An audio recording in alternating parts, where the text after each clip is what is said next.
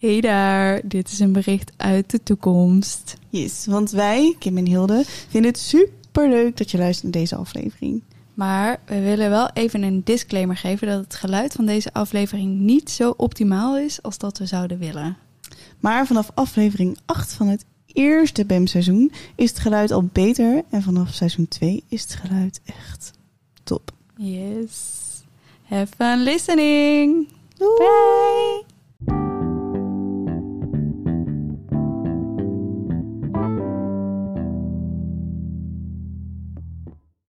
In PEM.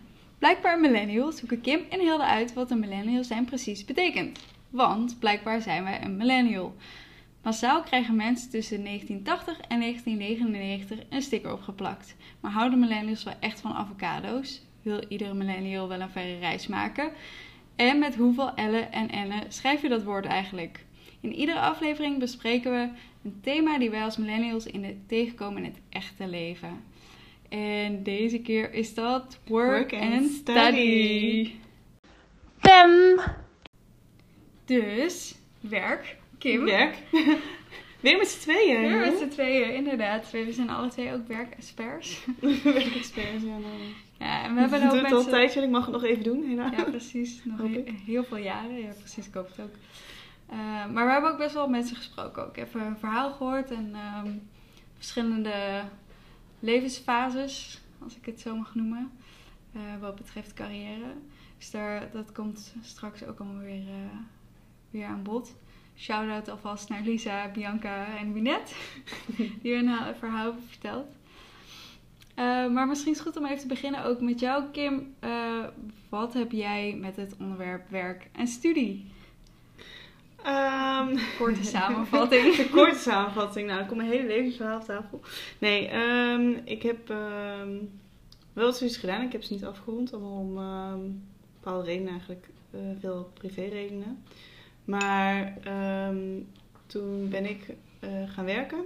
Terwijl ik studeerde. En Hoe bij dat bedrijf. Eh, 21. Oké. Rekenen. Ja. Nee, 20. Want ik werk al negen jaar eh, bij hetzelfde bedrijf. Dus daar ben ik als eh, bijbaantje begonnen. Oké. 12 uurtjes. En toen ben ik gestopt met studeren. En toen werden dat 24 uurtjes. En toen na een jaar werd dat 32 uur. En nu doe ik dat fulltime al een jaar of drie nu. Oké, Ja, netjes. zoiets. Dus en daarvoor heb ik dus echt eh, drie jaar of zo eh 32 uur gewerkt. Dus ik werk al best wel lang. Ja, Ja, zo fulltime als het maar kan hoor. Want ik werkte toen in retail in winkels. Ja. Dus eh, ja, 32 uur staat er op het contract. Maar in praktijk is dat sowieso zijn het er gewoon 40. Ja, Ja. ja. Dus eh, ja, ik kan er wel een beetje over mee praten. Ja. Ja. Jij bent ook wel denk ik een van degenen eh, van mijn directe vrienden die al wel het langst werkt, denk ik. Ja, was ik ook bij mijn vrienden. Ja. gewoon in een hele groep dat iedereen zei: waarom kom je niet meer partyen op de zaterdag, op de vrijdagavond? Zei ik, nou ja, omdat ik morgenochtend moet werken om 9 uur. Ja. Zei ze, kun je dat niet hebben dan?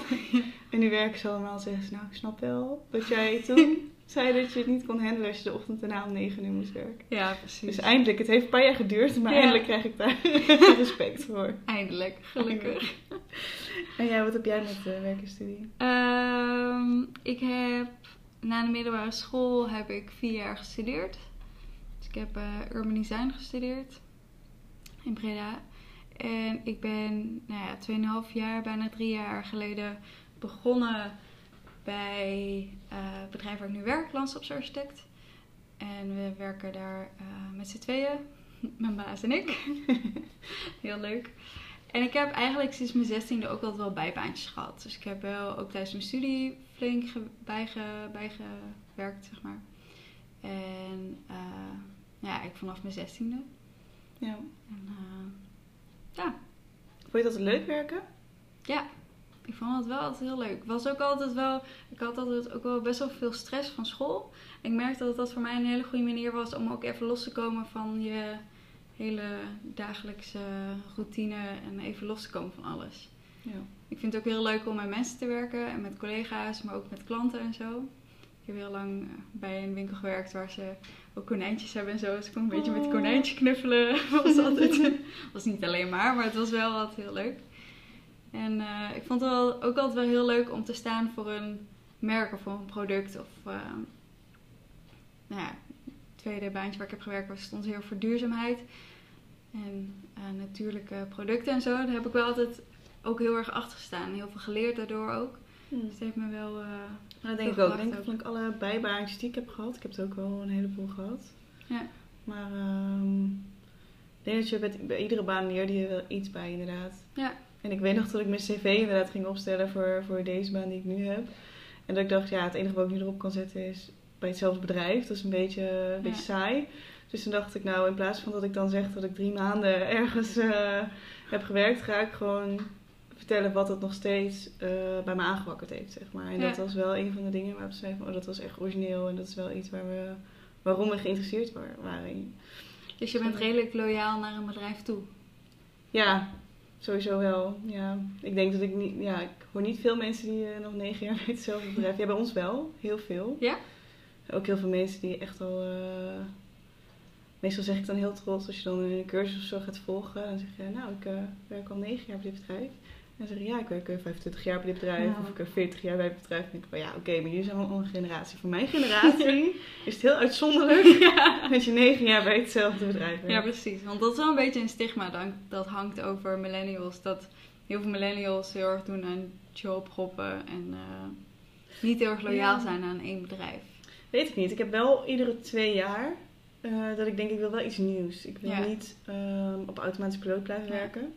Dus er moet wel iets gebeuren. Dus ik heb wel, ook toen ik in de winkel stond, iedere twee jaar ongeveer in een andere winkel gestaan. Ja. Andere collega's om me heen, andere klanten. Ja. Um, gewoon echt uh, even wat anders. Ik denk ook wel dat dat de cyclus is hoor, van twee, drie jaar. Ik merk het ook wel, ik, merk, ik werk nu drie jaar en ik merk het ook bij heel veel vrienden om me heen die nu een punt hebben waarop ze denken: oké, ik heb nu een tijd gewerkt. Wat wil ik nu?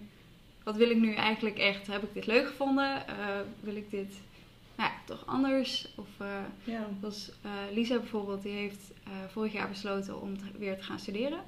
Dus die heeft eerst MBO gedaan, toen HBO en toen gaan werken. En toen heeft ze, is tot de conclusie gekomen van ja, dit is eigenlijk toch niet helemaal het werk wat ik zoek. En met wat ik nu heb gestudeerd kan ik niet de baan vinden die ik graag zou willen. Of het werk doen wat ik graag zou willen. Dus die is nu weer een nieuwe, of die is een master begonnen. Ja. Wat ik super interessant vind en super goed ook. Ja, absoluut. Heel knap. Ja. Ik kan me heel goed voorstellen dat je er op een gegeven moment toch wel klaar mee bent met studeren. Maar ja, ja als je een bepaald uh, veld in wil, dan, dan zou je ook bijna wel moeten. Ja. Denk ik. Ja, inderdaad. En het is wel ook wel een goede manier om weer even jezelf uh, op een andere manier neer te zetten, denk ik. Ja. En uh, bewijst ook wel veel lef, denk ik. Ook bij opdracht of bij werkgevers, als die zien dat jij nog een keer twee jaar hebt gestudeerd. Ja, en ook daar verschilt het heel erg. Omdat Ja, uh, waar. heel veel mensen die ik ken, die hebben wel, uh, af, die zijn wel afgestudeerd, zeg maar. En die hebben wel gestudeerd. Ja. En die gaan dan ongeveer hetzelfde veld in waar ik ook in ben gegaan. Alleen ik heb me dus omhoog gewerkt en uh, gewoon laten zien dat ik wel HBO-denkniveau heb. Ja. En heb nu ook een baan op dat niveau. Ja. Um, waar uh, vrienden van mij soms het zich niet hebben kunnen bewijzen en af worden gewezen omdat ze te weinig ervaring hebben. Ja. ja, dat is wel een ding hoor, met werkervaring. Ik merk het ook wel, ik vond het in het begin ook heel erg lastig met een baan vinden. Ik heb gesolliciteerd bij iemand, bij een bedrijf. En die, uh, daar ben ik toen afgewezen op het feit dat ik nog geen werkervaring had. Toen ik dacht, ja jongens, dit wisten jullie. jullie Ja. wisten, ik was nog aan het afstuderen. Jullie wisten dat ik geen werkervaring had. Dan waren ze uiteindelijk, überhaupt hadden ze niemand aangenomen. Want ze hadden gewoon verkeerde verwachtingen. Uiteindelijk. Ja. Maar ik hoor, ik hoor dat ook veel bij vrienden. Dat ze, dat ze te horen krijgen dat ze te weinig werkervaring hebben. Dan denk ik, ja, En ik vraag me af wat voor, een, eh, wat voor een ervaring je precies zoekt. Kijk, als je Ja. ervaring met een bepaald programma zoekt, oké. maar dan Ja. weet je nog niet of ze dat op de manier gebruiken zoals jij dat als bedrijf wil gebruiken. ja, Maar als het om werkethiek gaat, ja, eh, dat merk ik wel. Ik heb wel collega's gehad waarbij ik dacht, oh, dit is je echt de eerste baan. Die ook niet echt bijbaantjes hebben gehad. Toen dacht ik, ja, moet ik in echt gaan leren dat je niet te laat mag komen? ja. Eh, ja, dat je tijdens meetings tijdens afspraken niet te laat komt opdagen. Dat is gewoon werkethiek. Ja, precies. Ehm, Die hele werkhouding. Ja, en gewoon zelf Ja. werk zien in plaats van heel afwachtend zijn Ja. en zo. Dat soort dingen. Ja. Dat is wel iets wat je bij een bijbaantje vaak al leert. Ja. Ja, en toch ligt het ook wel, denk ik, ook een beetje aan de persoon zelf. Sowieso. Ja. Want ik ken ook wel veel mensen die best wel wat werkervaring hebben en eh, nog steeds hun handen overal van afhouden. Of is dat terwijl, slim? eh, Efficiënt. efficiënt, efficiënte werktechnieken, inderdaad. Ik snap Heel het niet. millennial. Geef het uit handen. Ja. En dan achteraf zeggen, ik heb het gedelegeerd. Ja, precies. Het is heel efficiënt. Nou, ik denk een hele Maar- goede intro voor dit, eh, voor dit verhaal. Precies. We hebben allebei veel met werk, dus. Ja, inderdaad. Ja, alle twee fulltime. Nou, semi-full. Oh, dat heb ik nog, ben ik vergeten te zeggen. Ik werk vier dagen in de week en ik heb één dag in de week eh, mijn eigen bureau. Ik ben bureau Bloemers.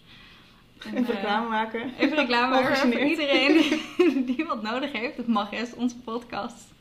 Bureau Bloemers. En wat doe je? Ik eh, doe ve- veel grafisch werk. Dus ik werk, eh, ik maak veel collages, weerbeelden, maar ook AutoCAD-werk en grafisch werk ook om dingen op te maken, zeg maar.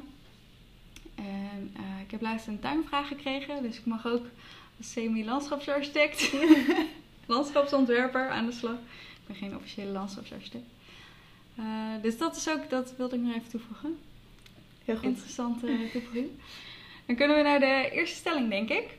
En dat is werkgeluk is een zeer belangrijke factor in mijn carrière. Wat vind jij? Ehm, ja, absoluut. Ik heb, ehm, ja, wat ik net zeg, ik switch eigenlijk dus iedere twee jaar ongeveer. Tenminste, ik ga wel op zoek naar een nieuwe uitdaging dan. En dat heeft heel erg met mijn werkgeluk wel te maken. Want wat houdt werkgeluk voor jou in? Nou, dat is wel grappig. Ik heb, ehm, ik denk een, voordat ik hier kwam, ik denk eh, drie jaar geleden, heb ik een cursus gedaan, ook loopbaanadvies. Ja? En daar ging het heel erg over werkgeluk.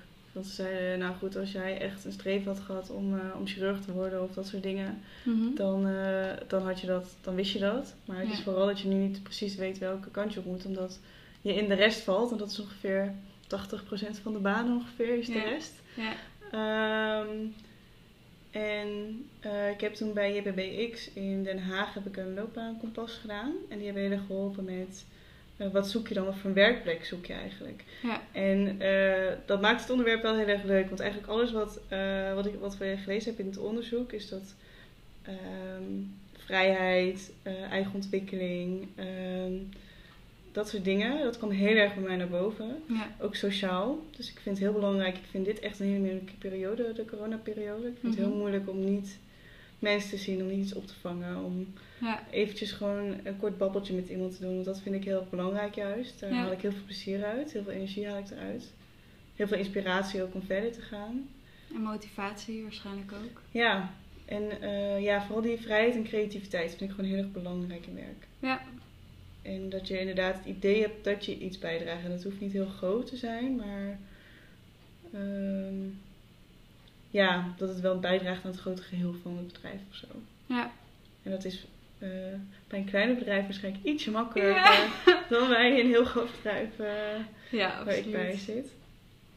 Ja. Ja. Ja. ik denk dat dat ook voor mij geldt. Ehm, het is wel dat mijn werksituatie heel anders uitziet dan die van jou inderdaad. Want ik werk echt bij een, nou ja, kleiner kun je het bijna niet hebben. nee, twee man. Twee man, soms drie.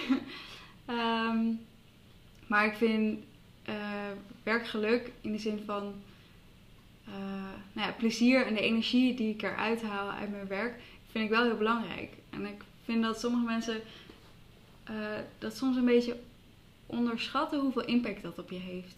Want je bent wel gewoon 40 uur in de week, of nou, ja, soms 32, 36, ligt een beetje aan. Maar je bent heel veel tijd van de week ben je Ja. gewoon op je werk. Ben je met, met die mensen, ben je bezig met een bepaald soort werk. En als je daar gewoon niet per se heel blij van wordt, of in ieder geval niet je energie uithaalt, eh, lijkt me dat heel soort van deprimerend. Tenminste, ik zou Ja. daar niet heel gelukkig van worden. En ik denk dat dat uiteindelijk ook wel impact heeft op de rest van je leven. Dat denk ik ook wel. Ik kan me ook. ehm, ik weet dat er heel veel mensen zijn van andere generaties die gewoon ehm, ook een andere verhouding hebben in het gezin. Hè? Mannen Ja. werken vaak, maar die hebben ook niet altijd een baan ehm, waar ze heel blij mee zijn. Maar het, het zorgt gewoon voor brood op de plank. En eh, dat merkte ik in ieder geval bij heel veel wat andere generaties dat dat Ja. vooraan stond. Terwijl ik inderdaad merk als ik bij, bij, bij mij zo rond mijn vrienden kijk, dan staat werkgeluk toch wel hoger. Ja, dat Dan denk ik ook inderdaad inderdaad. van eh, het is 40 uur, het is bijna mijn hele week. Ja, Eh, ik moet daar wel, ik moet het wel kunnen vinden met de mensen om me heen. Ik moet het leuk hebben. En niet dat, dat je echt vrienden hoeft te worden of zo met je collega's. ja. Maar het wel leuk moet hebben in ieder geval. ja precies. En ehm, dan ontwikkeling, dat wordt ook in heel veel artikelen wordt dat ook genoemd. Ehm, vind je dat ook belangrijk? Een soort van persoonlijke of ook carrièreontwikkeling? Ja, nou ja, goed. Ik ben wel blij dat ik bij een bedrijf werk die daar heel veel energie in stopt. Tenminste, energie. Eh, er wordt wel heel vaak gevraagd van, joh, wat ga je... We hebben een budget ervoor. En er wordt wel regelmatig gevraagd van, joh, wat wil je ermee gaan doen? En eh, we kunnen ook coaches inschakelen, dus je kunt gewoon Ja. met de coach gaan praten. Ehm, ja, over je carrière of over persoonlijk, wat je wil. Ja. Ik heb eigenlijk de afgelopen jaren vooral... Ja, het was een beetje een combinatie. Maar vaak ging ik voor werk en kwam ik terug met een persoonlijke doorbraak. maar ik denk dat dat ook best wel samenhangt. Ja, nou ja, goed. leer- Ik heb mezelf beter leren kennen. Ja, En eh, door jezelf beter leren kennen, weet je ook beter wat je van jezelf kan verwachten in een baan. ja, En wat je kan verwachten van de werkplek waar je naartoe wil. ja. En wat jij kan betekenen voor diegene. Ja, precies. Dat denk ik wel. Ik denk het ook. Ik denk het ook. Ja, ik zit toevallig, is die vraag aan mij ook gesteld. Van, goh, zou je erover na willen denken om een keer, of zou je dat willen doen? Een cursus of een, eh, nou ja, workshop of zoiets. Ik vond het best wel lastig ook. Ik, zit wel in een specifiek veld, zeg maar. Dus het is niet eh, dat, dat je zomaar naar een soort managing cursus kan, Nee. waarvan er heel veel zijn. Dus dat Ja. is wel lastig. Maar ook wel weer leuk om over na te denken. Dat je denkt, ja, waar wil ik me dan in ontwikkelen? En wat, wat vind ik dan leuk? Wil ik me dan op iets persoonlijks? Of zou ik een programma willen leren kennen? Of computerprogramma dan? Eh, of zou ik iets, ehm, nou ja, iets anders? Ja. Geen idee.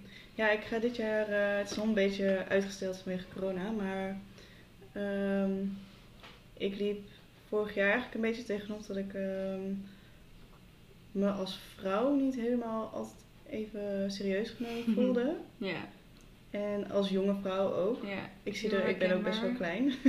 ja, Heel ook. herkenbaar. ja. Ehm, en als je dan met een man die eh, een jaar of 10, 20 ouder is, de ruimte inloopt, dan wordt eigenlijk altijd gevraagd aan hem wat hij ergens van vindt. Ja. vaak mijn dingen zijn en hij de informatie helemaal niet weet. En, eh, en dat is heel frustrerend. Dus ik heb besloten om een cursus te volgen in vrouwelijk leiderschap. Super interessant. Heel interessant. En we hebben een tipje van de sluier gehad. En toen dacht ik, ja, ik vind het echt wel interessant om hier Ja. meer over te leren. Hoe je meer in je eigen kracht kan staan als Ja. vrouw. En ehm, ja, dat is dan niet per se echt een, een, een hele eh, een cursus op kennis. Nee. Het is niet dat je daarna eh, iets echt kan, Ja, zeg maar. Maar nee, het is wel iets waar je zelf sterker in wordt in, in leiderschap en zo. Ja. ja, precies. Het heeft uiteindelijk wel invloed op hoe jij in je, eh, in je kracht staat in je werk. Maar, Ja, was het goed zo. ja. maar het is interessant hoor, want ik herken dit heel erg. En het is ook best wel een mannenwereld waar ik in zit. ja. Maar het, het eh, werk zelf, zeg maar landschapsontwerp, eh, niet, niet per se. Dus er zijn best wel veel vrouwen die dat ook doen. Mhm. Maar tijdens vergaderingen of zo ben ik gewoon, nou ja, een vergadering met 20 man. Het zijn ook echt mannen, allemaal. Van, eh, nou ja, zeg, eh, ik wil niet per se zeggen 50 plus, maar wel over het algemeen wel. ja. Ehm, ja, en dan kom je daarbij en ik ben dan met, met mijn baas. Ja, en dan word je altijd wel een soort van, ik wil niet zeggen genegeerd, maar het is wel dat, dat je niet helemaal, eh, ik voel me niet altijd helemaal serieus genomen of zo. ja, precies. Zo, je bent het meisje dat erbij zit. Het hulpje van. Ja. Dus ze benoemen altijd dan mijn baas van, ja, dit en dit. Hè? En dan zegt hij van, nou ja, Hilde weet hier ook wat dingen van. En dat vind ik wel heel prettig aan, aan eh, mijn baas, is dat hij wel echt heel bewust mee bezig is. En dat hij mij ook echt aan het woord laat en daar mij ook de ruimte in geeft en zich heel bewust is van de dingen die, die zich afspelen, zeg maar. Ja. Dus wat dat betreft he- heb ik wel heel veel geluk met iemand die, eh, die daarin wel echt naast je staat, zeg maar. Ja, en ik denk dat dat ook bijdraagt aan werkgeluk. Ik bedoel, eh, er stond op een gegeven moment ook van eh millennials willen alleen maar eh, positief benaderd worden, zeg maar. Terwijl ik feedback vind ik een van de belangrijkste dingen. Als ik geen feedback krijg, ook, ook negatief feedback. Ehm, ik heb dus ook een gesprek, ik heb ehm, een tijdje geleden had ik gesprekken met een leverancier die mij dus inderdaad negeerde. Hij, hij stelde vragen en had een mannelijke collega. En die zei dan, eh, Kim weet dit. En dan was ik aan het praten en dan nog keek hij naar mijn mannelijke collega. Ja, En eh, achteraf heb ik eigenlijk altijd nog een kwartier daarna met mijn mannelijke collega gezeten. Van joh, hoe kunnen we dit nou volgende keer anders doen? Hoe kunnen we Ja. dit beter doen? Hoe kan ik jou beter steunen? Hoe kan, hoe kan ik jou beter draagvlak geven? ja, Moeten we van tevoren weer meer dingen bespreken? Dat kan natuurlijk ook. ja, Eh, moet ik gewoon helemaal niet meer erbij zitten? Ehm, en dat helpt echt. Dat vond ik echt heel prettig inderdaad. Ja, precies. Dat je in ieder geval, je hebt weinig invloed op degene die tegenover jou zit. Maar het is wel heel fijn dat er iemand naast jou zit die weet wat er speelt in ieder geval. En Ja. dat die zich daar bewust van is en jou daarin ook de ruimte kan geven. Ja. Dat is inderdaad denk ik een zeer belangrijke factor. Ja, en ik heb een tijdje wel gedacht dat ik op een andere manier met mensen om moest gaan. Van meer op zijn, op een mannelijke manier, Ja, zeg maar. Ja. Maar dat ja, matchte gewoon niet met mijn manier van Nee, werken. En als ik nu dan terug ga, denk ik, nou, ik ben zo blijven doen zoals ik eigenlijk altijd doe. En uiteindelijk is het wel beter gegaan, maar het gaat echt beetje bij beetje. Het duurt echt heel erg lang voordat iemand dan, ja, ja, ik kan daar heel boos Ja. van worden. Maar dat ga ik nu niet doen. Maar niet op mij. niet op jou, jij kan er niks aan doen. Nee, maar het is het ook zo. Het, belachelijk. is echt, het slaat helemaal nergens op. En ik denk wel dat dat ook een beetje eh, niet per se een generatiedingetje is. Want ik ken ook genoeg millennials die niet, die, niet heel, eh, heel erg staan voor gelijkwaardigheid, zeg maar. Ja. Maar de, het gebeurt wel vaker dat het de wat oudere mannen zijn. eh, en dat zeg ik niet allemaal. Maar van degene die ik tegengekomen ben, is dat vaak wel zo. Bij mij ook wel. Dat de oude generatie. En dat ook veel, vaak de mensen met wie ik werk, de jongere mensen, vaak ook opener staan naar mij toe. Ook al in gedrag en in communicatie en eh werk. Vaak wel, maar ook niet, ook niet altijd. Ik heb er ook wel Niet altijd, meegemaakt ja. die, ehm, eh, ja, die er ook niet op zo stond te wachten, zeg maar. Nee. Ja, ik vind, ik vind het sowieso een lastig onderwerp. Het is Ja, lastig om, ehm, eh, ja, om Kan- daar Ik kan daar een hele podcast aan, wij- aan wijden. Ja, Gelijkheid. Nou, ik heb wel één keer gehad en dat was met, en dat was zeker een millennial. En dat was bij mijn eerste bijbaantje. Dat was een kerel en die was denk ik nou, twee jaar ouder dan ik. En die kwam aan, echt de eerste dag. En toen zei hij, hey moppie, wil je dit en dit even voor me doen? Nou jongen, toen, ik denk dat ik 16 was of zo. Ik stond met mijn oren te klapperen hè. ik dacht echt, wat krijgen we nou kerel? Gaan we Dat eens even niet doen. En toen ben, ik echt, toen ben ik ook serieus naar mijn baas gegaan. Van, weet je, ik, dit gaan we even niet doen. Vind ik gewoon geen prettige manier van Nee. omgang. En eh, wat dat betreft sta ik mijn Sta je mannetje, wilde ik Vrouwtje zeggen. wel. Vrouwtje wel. Sta ik ook gewoon sterker in. En, eh, Ik heb echt heel vaak, en dat vind ik, heel, vind ik echt heel vervelend. Dat is echt een trigger. En dat weet ik. En het is niet altijd zo bedoeld. Maar als, eh, dat heb ik ook gehad bij toen een op mijn eerste werkdagen dat iemand tegen mij zei. En Kimmetje, oh ja. wat ga jij vandaag eh, doen? En toen dacht ik, ik ken jou niet. Hè? Dat was de eerste keer, ik Ja. had hem nog geen hand gegeven. En toen vond hij het al nodig om mij Kimmetje te noemen. Ja. En nu doen oudere mannen dat nog steeds wel eens. Die ik dus nog nooit heb ontmoet. Of dan neemt ze telefoon met eh, Kimmetje. En dan denk ik, als ik jou nog niet ken... En wij zijn nog niet op dat level Ja. van oké zijn met elkaar. Dan is dat niet, dat is dat niet akkoord. Nee. Dat kan gewoon niet. Nee. Er Maar zijn dat ook is mensen die niet kunnen, professioneel. Nee, en ik heb collega's die dat... Ik ben heel informeel. Dat vind ik een hele fijne manier om te werken. Ja. Als je gewoon weet wat je van elkaar mag verwachten. En je kunt ondertussen een lolletje maken. Dan vind ik het alleen maar fijner werken. Ja. Precies. Alleen... er zijn, als je, je moet wel op een bepaald level relatie, werkrelatie Ja. zitten Ja. daarvoor. Je kunt niet zomaar tegen iemand, je kunt niet zomaar iemand een bijnaam geven. Nee. Nee, maar ook gewoon, een- ik vind het een heel denigerende manier van je naam zeggen ook. Ja, en ik heb een hele lange achternaam, weet je. Maakt er dan, eh, weet ik veel, iets, eh, Kind met een lange achternaam. zoiets van. Maak tje erachter. Tje ja, is niet... Maar dat is misschien ook, dat, dat, we, dat ervaar ik altijd wel, dat mensen je meteen altijd, omdat ik wat kleiner ben, dat mensen je meteen schattig vinden of zo. En dan meteen eh, je niet meer serieus nemen. En heel denigerend of zo daarin gaan Ja. reageren. En het kon, ik kan er niks aan doen dat ik niet zo groot ben. nee. En dan vragen mensen zich af waarom ik hakken aan heb op kantoor. Nou, ja. Ja, precies. Ook wel zoiets, werkkleding. Ja, heb je, eh, denk je daaraan? Zeg maar? Eh, ja. Ik, ehm ik kleed me wel altijd op een bepaalde manier op kantoor, ja. Maar er is wel een grappig, ik vind petjes vind ik op zich wel lekker zitten. Mhm. Dat zei ik voor de grap een keer van, eh, ik heb mijn haar niet gedaan, maar petje kan niet. Iemand, ja dat kan wel. Toen dacht ik, ja nee, nee dat kan ik echt niet maken.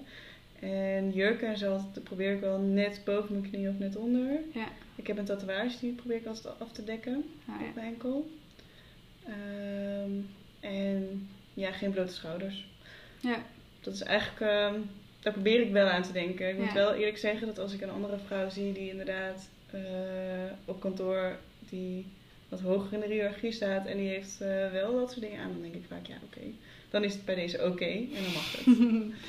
ja, precies. Ja, ik weet niet. Ik denk er eh, voor mezelf... Ik ben er op zich wel bewust mee bezig. Dat ik er wel gewoon netjes uitzie. Ja. Maar ik zit ook een beetje binnen die ontwerperswereld. Dus het is ook als je gewoon in je beetje hipster kloffie eh, aankomt, dan wordt er niet van gek van opgekeken, Nee. zeg maar. Ik probeer wel altijd gewoon netjes gekleed te zijn hoor, maar niet... moet altijd lachen. Ik had, ik had hiervoor een collega en die eh, kleedde zich wel super netjes als wij een, eh, een meeting hadden met een externe partner. mhm. Ehm, dus ik heb dat een beetje overgenomen. Ja, precies. Ik doe dat ook inderdaad. Eh, maar die mannen die komen dus echt altijd helemaal in pak en zo. Ja, En ja, zo, zo. Ik heb geen mantelpakje aan of zo. Het is gewoon meestal wel een jurk of zo. Mhm. Maar gewoon netjes, maar niet... ja, niet overdreven. Overdreven. Niet overdreven. Dan ga ik gewoon helemaal strak in het pak. En dan denk ik, oh, ben ik nou underdressed? Maar voor de rest op kantoor zitten er heel veel mensen gewoon in een t-shirt. Ja, Niet precies. eens allemaal in een polo of zo. Ja. Dus ja, precies. maakt het uit. ja, inderdaad. Hey, en eh, vind je dat werkgeluk ook te maken heeft met werkdruk? Eh, ja, ik eh, denk dat als je werkgeluk ervaart, dat je dan ook minder werkdruk voelt. Tenminste, dat je hem beter kunt handelen. Ja, inderdaad. Ja, ik denk ook wel, aan de ene kant heeft het wel met elkaar te maken. En dat je op het moment dat je je werkgeluk, dat je gelukkig bent in je werk en dat je je werkgeluk dus hoog is, zeg maar. dat je het inderdaad beter kan handelen, maar dat het niet per se eh, iets twee onafhankelijke dingen is. Dus als je heel erg hoog zit in je werkgeluk, dat de werkdruk dan minder hoog is. Nee. Ik denk wel, ik denk ook zeker ook binnen de architectenwereld bijvoorbeeld, weet ik wel dat er bedrijven zijn die waarbij mensen helemaal gepassioneerd zijn over wat ze doen Mhm. en heel gelukkig daarin zijn met hun werk en wat ze kunnen betekenen. Maar daarin, daarnaast wel echt enorme werkdrukervaring. Dat gewoon heel veel, ehm, ja, daarin wel echt wel tegen een burn-out zitten. Ja. Ehm, en dat dat dan vaak ook wel werkgerelateerd is.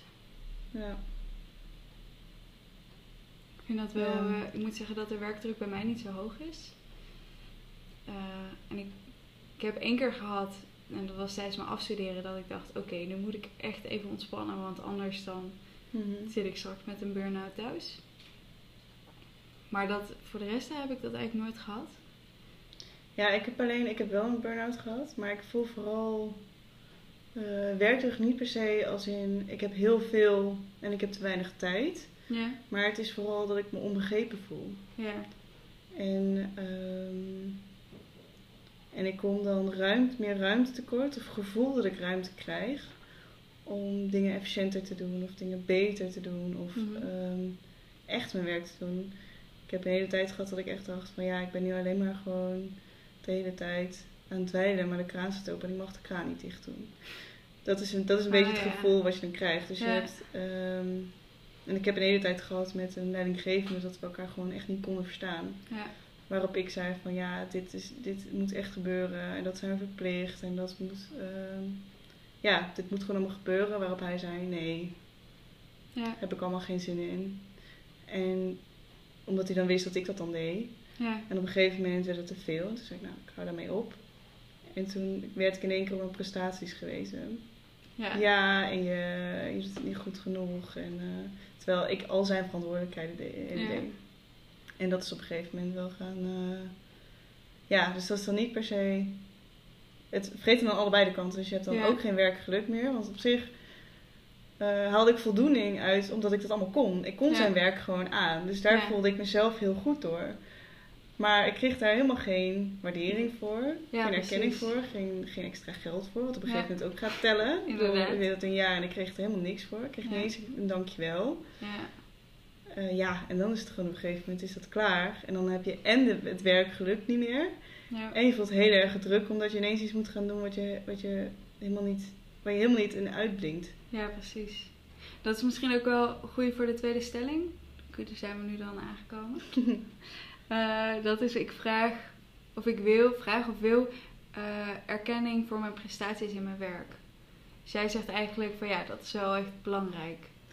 Ehm, ja, tenminste, het is niet zo dat ik echt alleen maar wil dat mensen tijd zeggen van oh je doet het echt supergoed. Ik wil, wat ik net zei, ik wil ook gewoon feedback krijgen. Ik Mhm. vind gewoon een gesprek hebben over hoe dingen gaan, vind ik heel belangrijk. En als ik ehm, iets doe wat ik beter doe dan iemand anders of wat ik ehm, meer ben gaan doen, Mhm. dan vind ik dat ik daar wel iets voor te krijgen. En dan is dat een wat fijn dat je dat doet. Ja, Of eh, in de vorm van geld. Ik vind dat er wel iets tegenover moet staan. Ja. Ik vind het ook niet, niet meer dan normaal dat je dat, dat je dat doet. ja, precies. En werken daar dan bijvoorbeeld, eh, want ik heb eigenlijk elk half jaar heb ik even een gesprek over hoe het gaat en eh, nou ja, wat goed gaat, wat beter kan, een soort functioneringsgesprek. Ja. En dan iets informeler. Dus officieel informeel. Ja. Eh, en daarin ook wel benoemen wat er wel goed gaat, van mijn kant, maar ook van zijn kant. En ook de dingen die benoemen die er dan niet zijn. Ik weet niet of je dat ook zo hebt. ja, we doen dat ook ieder kwartaal. Maar ik vind het gewoon fijn om... ehm, ehm, als dingen heel nieuw voor mij zijn. Of, of dingen die ik juist echt met mijn ogen dicht kan eigenlijk niet meer leuk vind. En Ja, het eigenlijk wil overdragen, dat we daar dan, ehm, dat ik daar met mijn leidinggevende of mijn collega's een open gesprek over kan hebben. ja, Ehm, en de dingen die beter kunnen of anders kunnen, dat we daarover kunnen praten en samen kunnen nadenken over hoe dat soort dingen beter kunnen. ja. En dan niet per se één keer in het kwartaal bij zo, want ik herken dat wel van mijn ouders die zeiden, oh ik heb eh, deze week functioneringsgesprek, ik ben zo zenuwachtig. Ja. En, eh, ehm, ja, dat soort dingen. Ik vind het veel fijner omdat eigenlijk door het jaar heen hoor je dat eigenlijk altijd hebben, vind ik. En dan is Ja. zo'n functioneringsgesprek helemaal niet zo spannend. Want als het goed is heb je dat ja, besproken. precies. Dat is wat in wat, in wat informelere setting eigenlijk. Ja. Dat je gewoon, op het moment dat het moment zich aandient, zeg maar, dat je het daarover kan hebben. Ja. Zonder daar eh, allemaal al heftige formulieren en zo. Ja. ja, en wat ik wel veel hoor ook van andere millennials is dat zeker tijdens de economische crisis zijn er best wel veel banen verdwenen. Ja, En heel veel mensen hebben een extra baan erbij gekregen met dezelfde uren, hetzelfde Ja. salaris. Eh, en dat verhoogt natuurlijk wel de werkdruk, want je moet wel dezelfde kwaliteit leveren voor jezelf. Dus je hebt wel zoiets van, nou, Ja. ik heb dit erbij gekregen, ik wil het op dezelfde kwaliteit of beter nog dan mijn voorganger doen. Ik bedoel, ja, je wil niet werk slechter doen. ja. Ik bedoel, Nee, inderdaad. Ja, en ik denk dat dit sowieso nu echt een hele gekke periode ook gaat worden voor veel millennials die eh, in dat tijdelijkere werk zitten. Omdat er gewoon best wel veel banen verdwijnen. Dat is vanochtend weer op het nieuws. Dat er gewoon heel veel banen in horeca en retail, van alles dat er gaat verdwijnen. En toen dacht ik echt, oei, het is wel, eh, wel pittig. Ik heb dan eh, Bianca, een vriendin van mij, die heeft ook een beetje haar verhaal verteld. Die is, eh, nou ja, begin van de coronacrisis, is een eh, op wereldreis. Tenminste, is op wereldreis geweest. En uh, nou, het begin van de crisis, toen alles dicht begon te raken, is ze vanuit Hawaii teruggevlogen weer naar Nederland. Na acht maanden, geloof ik. Ehm, en die, nou ja, die heeft ook niet heel veel uh, ruimte gehad om een nieuwe baan te zoeken. Dus toevallig vandaag heeft ze gekregen dat ze aan de slag mag ergens als freelancer. Oh, leuk. Superleuk. Ehm, maar die heeft het daar ook best wel uh, een tijdje soort van moeilijk mee gehad. Dat je, ze, het is niet dat ze stil zit. Ze heeft de hele moestuinkast, ze heeft een eigen bedrijfje. En, uh, maar een soort van structuur en het... Ik denk ook niet per se toe willen geven dat je geen werk hebt of zo. Ja, het is toch een beetje...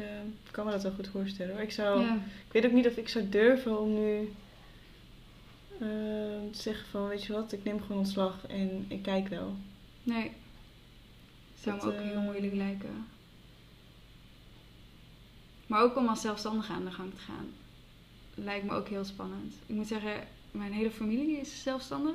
Dus mijn vader, mijn moeder, broertje heeft zijn eigen bedrijf. Mijn stiefma heeft een eigen bedrijf. Mijn stiefpa ook. Ja.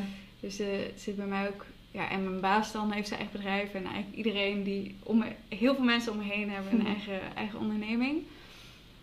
Maar ik vind het wel heel spannend als ik voor mezelf zou zeggen van... Ik zit er wel eens over na te denken van ja, hoe zou ik dat in de toekomst zien?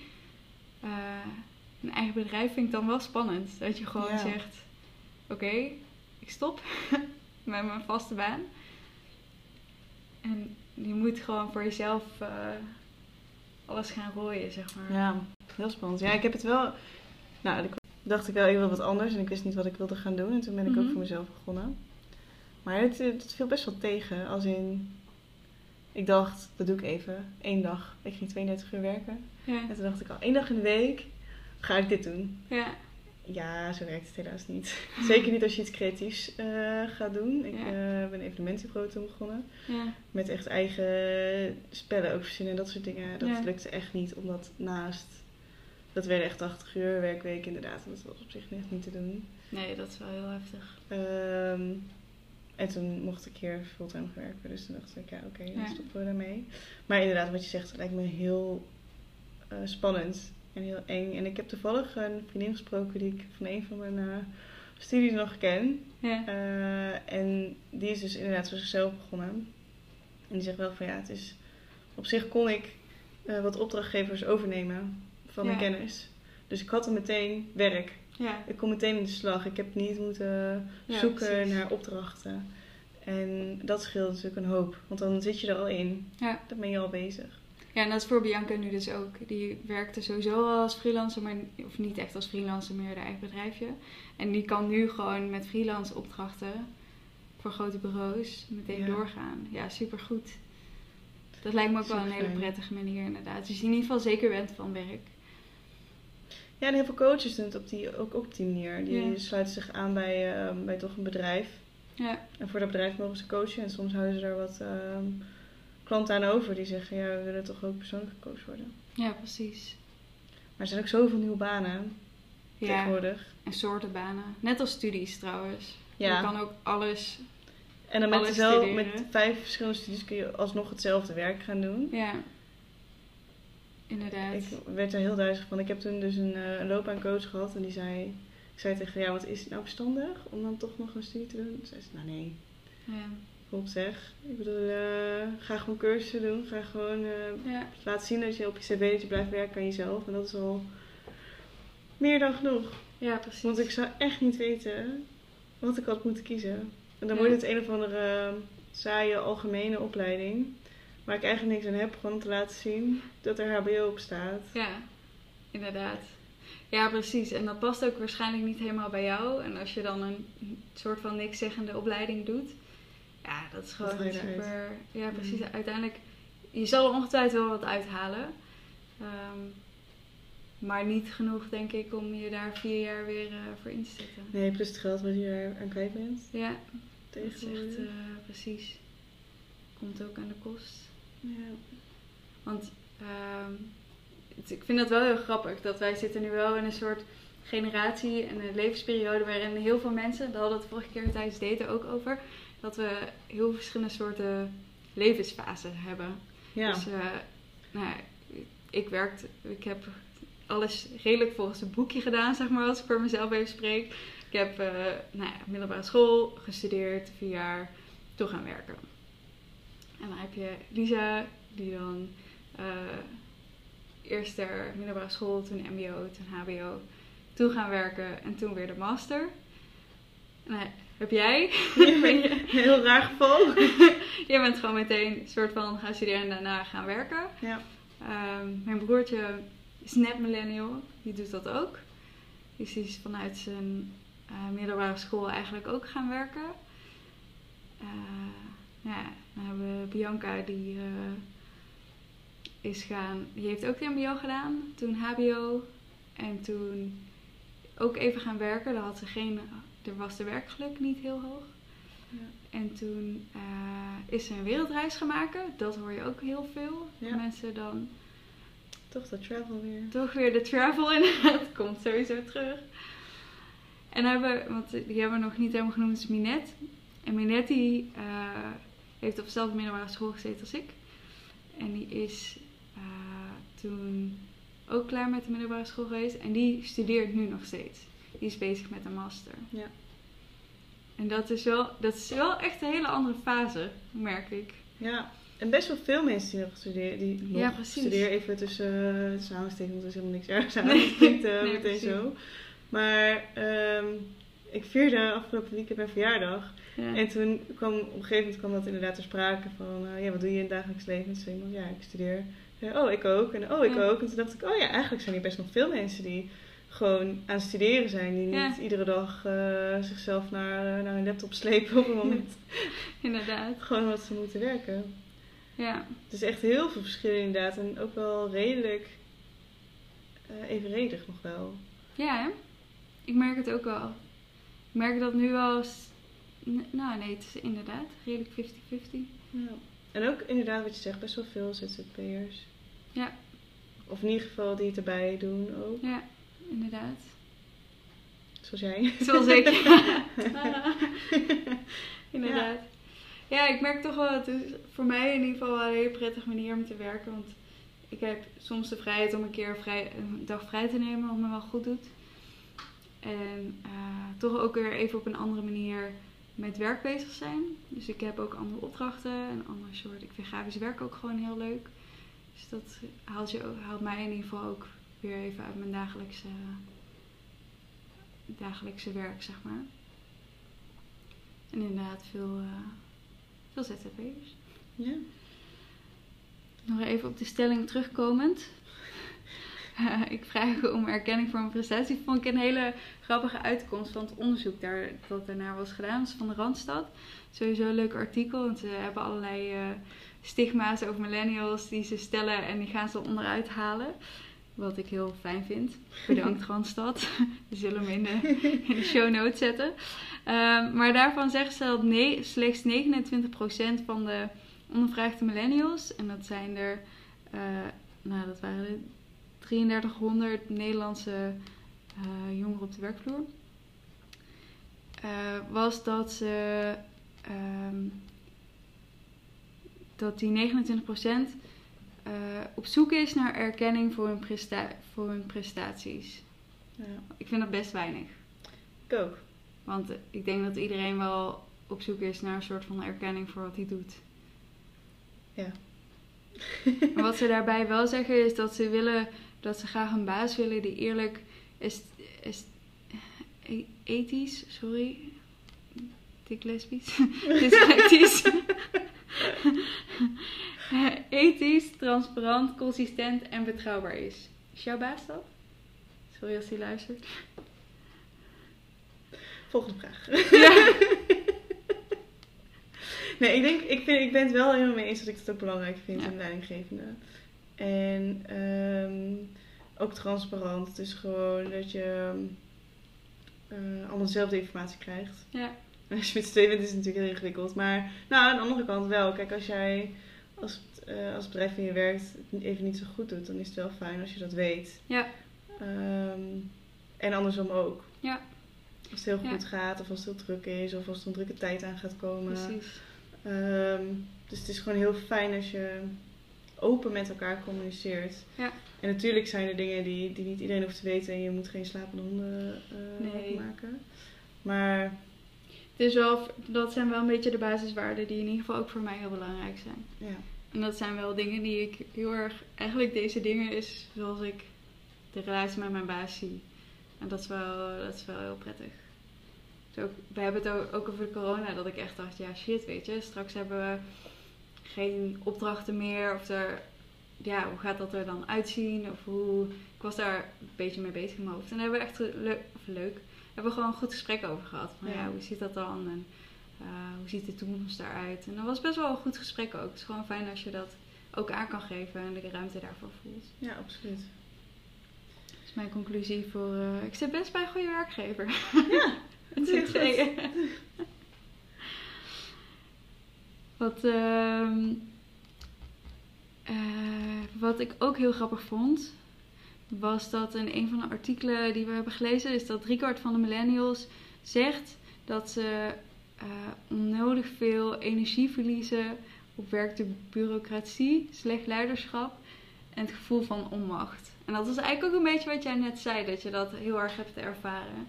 Ja, en bureaucratie is ook echt, vind ik echt heel vervelend. En Ja. ik, eh, ik weet dat er ook heel veel mensen die dat heel fijn vinden. Tenminste, ik weet dat er ook oudere generaties zijn die het heel fijn vinden. Die gewoon kunnen zeggen, dit was mijn stukje. Ja. En dat schrijf ik gewoon door. En nu mogen twintig anderen daar iets over zeggen, een handtekening zetten en dan hoor ik het wel weer. Ja.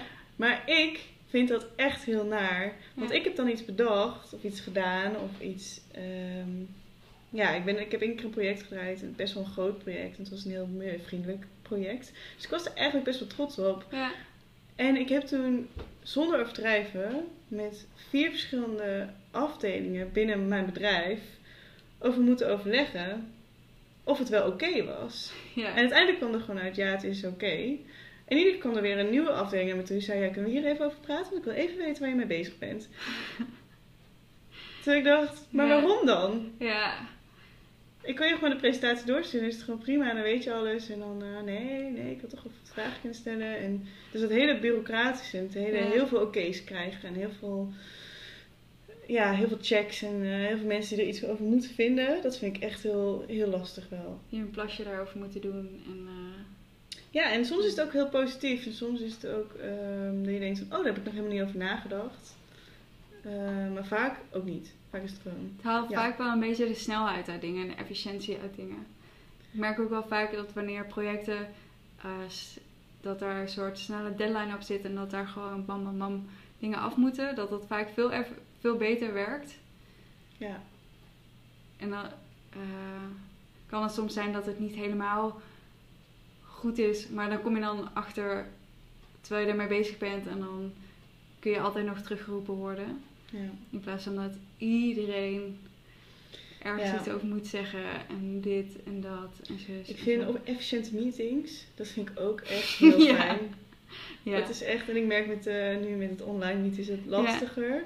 Maar ik vind het heerlijk als je gewoon binnen een half uurtje kunt zeggen: Oké, dit zijn de actiepunten, die doet dit, die doet dit, die doet dit. Ja. Ik zie je over een, eh, over een paar weken weer en dan heeft iedereen zijn actiepunten afgerond, punt.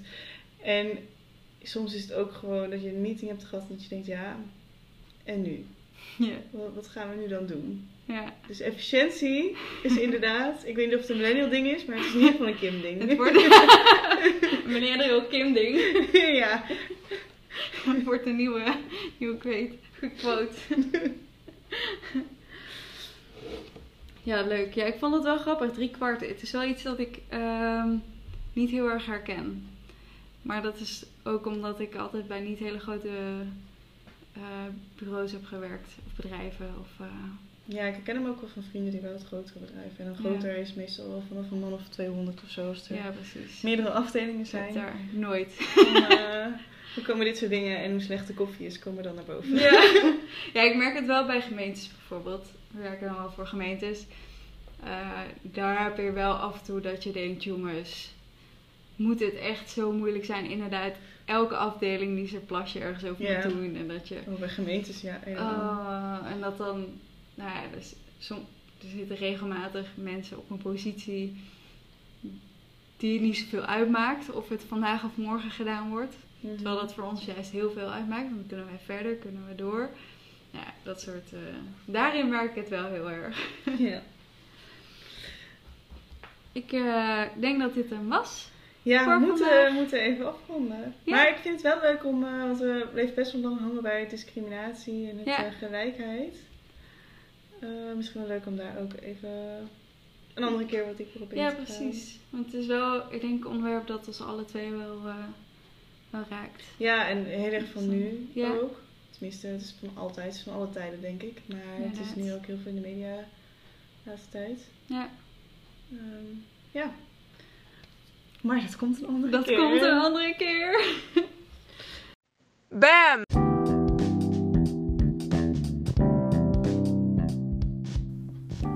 Yes, dat was was hem hem. weer. Ja, work and study. Eh, maar jullie hebben weer wat van ons te goed. Want ook deze keer hebben wij ehm, via Instagram en Facebook en ons persoonlijke account en die van Blijkbaar een Millennial Yes. ons eigen testje gedaan over de stellingen van, eh, van vorige maand. En de eerste stelling luidde: Ik date omdat ik op zoek ben naar een serieuze relatie.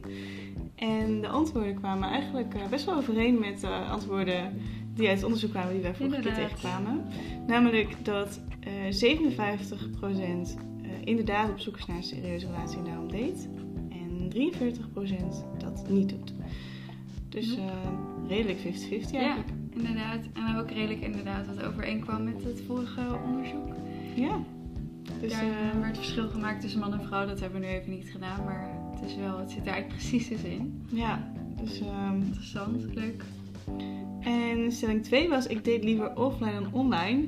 En ook die komt overeen Ja. met het onderzoek. namelijk dat 66% liever offline date en 34% liever online date. En daarin zeggen ze 1 op de 3, dus dat is perfect. Ja. Dus eh, ook daar geen verrassingen. Nee, Ehm, wel nog steeds super leuk dat jullie reageren. Vertel het ons vooral. Reageer, alles. alles. Ja, eh, je kunt ons volgen op eh, wat ik net riep. ehm, Insta Inst- Instagram, Blijkbaar Millennial. eh, Facebook, Blijkbaar Millennial, de podcast. Je kunt ons mailen.